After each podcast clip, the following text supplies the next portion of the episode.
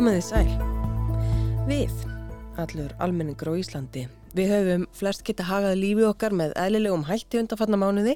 Það sést falla nokkur maður með grímulengur, fólk heilsast með handabandi, faðmast og kissist. Það stendur í einni kösi byðröðin út í búð. Það er helst að maður sjáu fólk fá sér smá spritt í lofan þegar það gengur inn í matfjörverslun. En það eru blikur á lofti, vonandi verður ekkit meira úr því, en COVID er komið á blúsandi ferð í Kína og það er verið að opna Kína fyrir ferðalögum inn og út úr landinu. Ég heiti Ragnhildur Torlasjus og í þetta helst í dag verður fjallaðum COVID. Heimsfaraldri COVID-19 er nú lokið að sögn Kristján Drosten eins þekktasta veirufræðings Þýskalands. Dreifing veirunar hafi verið landlæg þennan veturinn og því sé óhætt að lýsa yfir endalokum faraldursins.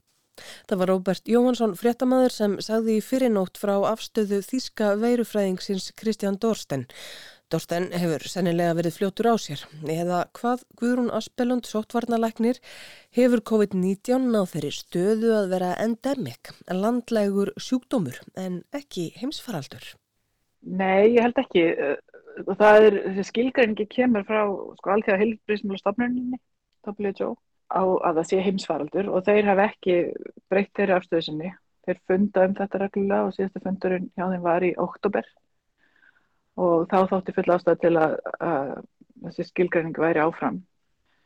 Og þetta er sko kannski ekki komin á þann stað að við vitum hvernig hegðurinn er eins og við höfum vitað eins og með árlega influensu. Svona hvernig hún kemur, hvernig við náum með litt toppi og hvernig þetta gengur svo niður. Um, við erum ekki beint komin á þann stað með COVID að hafa komið endurtaknar bylgjur og uh, það er bara ekki held ég komin nóg reynsla á það að, að, að teljum það að þeir telji það viðjandi að aflýsa uh, þessu ástandi. Og nú berast þeim eitthvað fregnir af því að COVID-19 geysi í Kína núna þegar að slakað hefur verið verulega á feiki ströngum sótvarnareglum þar.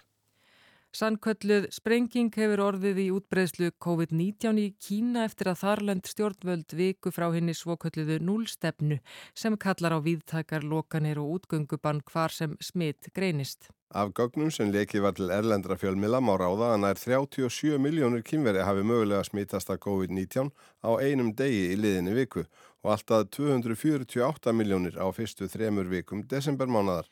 Kínverjar bókaferður til útlanda sem aldrei fyrr stuttu eftir tilkynningu kínverskra yfirvalda um COVID-tilslakanir. Alþjóða heilbreyðistofnun hefur ágjör af því að ný afbreyði af COVID hafi breyðst út í Kína, reglur og landamærum hafa sumstaðar verið hertar. Frá og með 8. janúar þarf fólk ekki lengur að fara í sótkví við komina til Kína. Bannað hefur verið að selja pakkaferði til útlanda í faraldrinum en núna er mikið að gera á kynverskum ferðarskjöfstofum. Fyrir bölsinis fólk er þetta dálítið eins og endurtekið efni. Það verum þetta leiti ársárið 2019 fyrir þremur árum sem að fregnir tók að berast af óþægtum smittsjúkdómi í Kína. Hann barst á milli fólks eins og eldur í sinu. Það tók kynverja talsverðan tímaðan á tökum á sjúkdóminum en með svo kallari núlstefnu var útbreyðslunni haldið niðri. Núlstefnan gekk út á að stöðva útbreyðslu veirunar hvar sem hún kom upp með ströngu og stundum lungu útgöngubanni og lókunum hvort sem var í smábæ eða stórborg. Þeir sem vektust voru fluttir í opinberar einangrunastöðar. Í vetur fekk fólk nóg. Það breytust út hörðmótmæli og kínversk stjórnvöld gáðu eftir.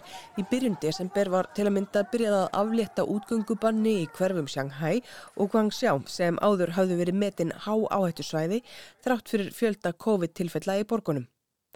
Ólíkt því sem að hefur verið í Kína hefur allur almenningur á Íslandi getað lifað eðlilegu lífi undanfarna mánuði.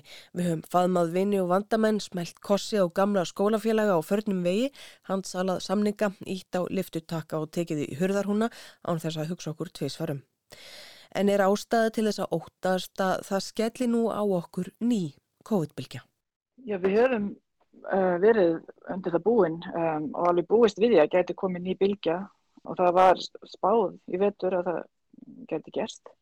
En þá það er náttúrulega helst eða kemur nýtt afbreyð sem myndi vera það frábriði að varnir okkar sem núna eru helst bólusetningarnar og fyrirsýking ef að þær varnir myndi ekki duga eins og gerist núna að þá er alveg viðbúið að koma inn í bylgja og það er það eitthvað svona afbreyð sem eins og gerðist með Omikron sem var svo ólíkt sem hefði verið áður að, að það var mjög meira smítandi og líka allir þá meiri veikindum ef annarkvæmst þetta gerist eða bæði að þá er alveg viðbúið að koma inn í bylgja mm.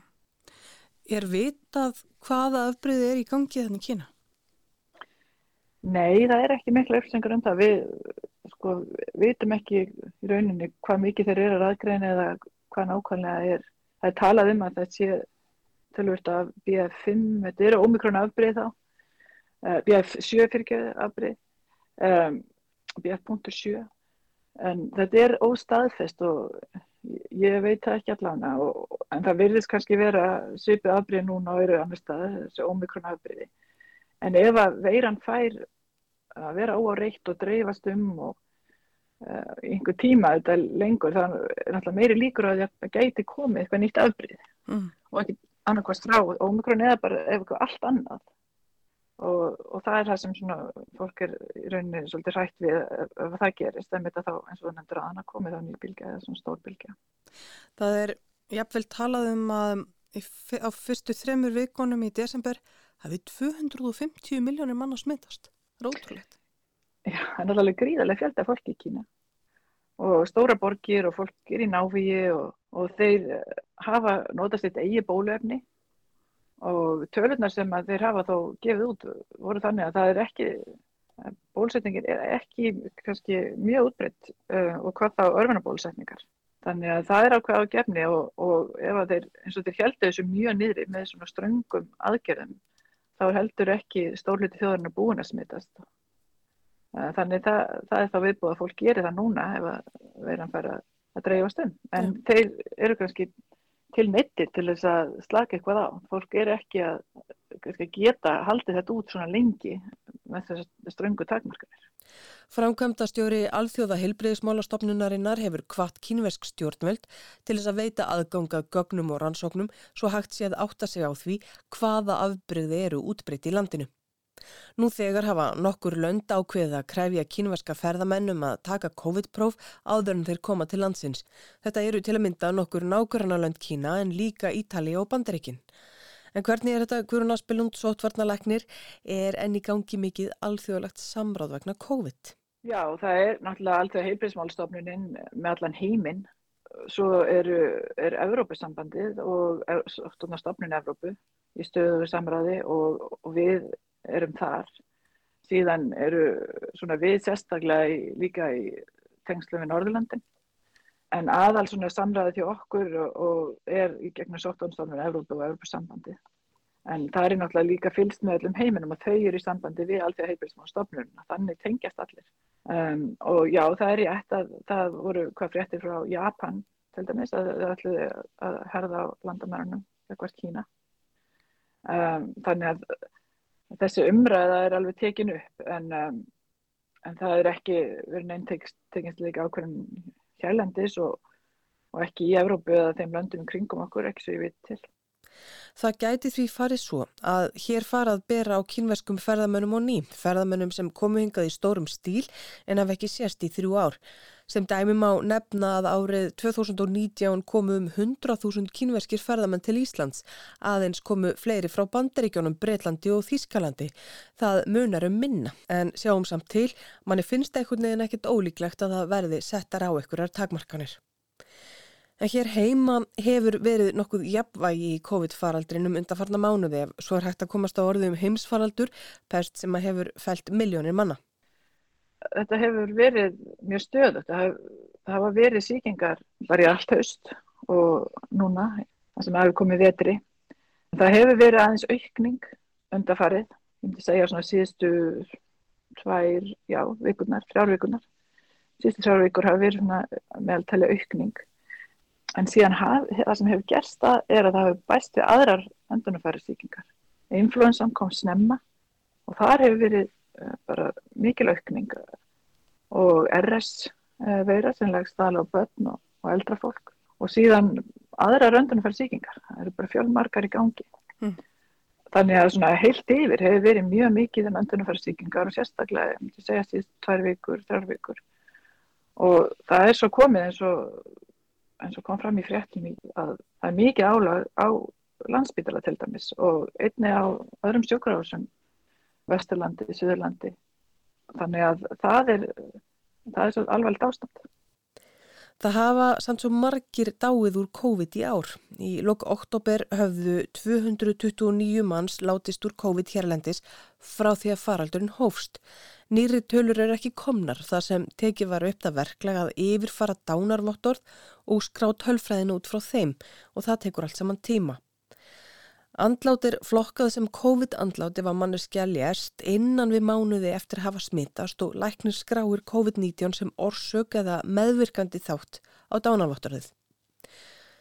Og árið 2022 er það ár sem að flestir hafa látist úr COVID-19 hérlendis. Í lok oktober var fjöldi þeirra sem hefðu látist beint úr sjúkdómnum eða COVID verið meðvirkandi þáttur orðnir 190 á þessu ári sem sagt. Lang flestir, 129, letust í stóru bylgjunni á fyrstu mánuðum ásins. 25 manns letust í júli. Þetta eru langt um fleiri en árið 2020 þegar 31 lést og 2021 þegar að 8 manns letust. Langflestir þeirra sem að letust voru eldra fólk eða fólk sem að glimti við önnur veikindi. Það er alltaf erfitt að komast sómasamlegað orði þegar það er talað um þetta af því að aldrað fólk eða veikt fólk hefur alveg sama tilvururétt og fullfrist fólk, ungt eða á miðjum aldri en það slæðir samt fólk auðurvísi þegar að manneskja í blóma lífsins fellur óvænt frá og fullfrist fólk hefur látist úr COVID. Þá eru dæmi um fullfrist fólk, það er dæmi um ung fólk. Það er þarna allur aldur í rauninni og en flestir já eru eldri eins og við segir og margir, margt eldra fólk er með undirleikinn sjúkdóma. Þannig það fer oft saman. Þannig að þeir sem eru með undirleikinn sjúkdóma, á hvað aldri sem er, þeir eru ekki hættu og þannig kemur aldurinn líka inn í en síðan er aldurinn eitt og sér líka áhætta. Er ennþá að koma upp svona hópsíkingar á hjógrunarheimilum til dæmis? Já, það hefur verið á heilbreyðstofnunum uh, já, það hefur gerst og er að gerast. Það er oft erfitt uh, að aðskilja alveg fólk og þetta er ekki alltaf, það geta smít gerst að hann hefur einhver greinist og og fólk eru þetta í ákveðinu návíi og hefur samniti eh, á slikum stöðum og starfsfólk þarf að fara að milli og þetta passa sig allir en, en, en það, já, það er verið að gerast og er að gerast. Þú sagðir að það hefði verið að svona aukast aðeins aftur smitt tíðinin undanfatna veikur. Vitið eitthvað af hverju það er? Það er bara meira samneiti, komið vetur, fólk er meira inni, uh, meiri námt, það þetta samkomur ymsar. Uh, fólk kemur tilbaka inn í haustið þannig að þetta er helst það vegna smittast auðvitað við það við námt, návi Jólalhald borð og, og jólatónleikar Já, svona ímislegt í haust einmitt, bara eins og reypa komur og viðbyrðir og, og eins og þess að það er náttúrulega enga takmarkanir og um, þannig að þetta er svona er hagstætt, sem maður segja, fyrir veiruna að fara á milli og manni fannst þetta einhvern veginn bara að vera búið. Guðrún Aspelund, sótvarnalegnir, minnir og bólusetningar. Það er hægt að bóka tíma í fjórðu COVID-bólusetninguna á helsugjastlustöðum og helsuveru. Guðrún hvetur sérstaklega fólk yfir 60 til að fá sér örfunarbólusetningu. Ég heiti Ragnhildur Torlasíus. Í þetta helst í dag var fjallað um COVID. Við heyrumst á morgun. Verðið sæl.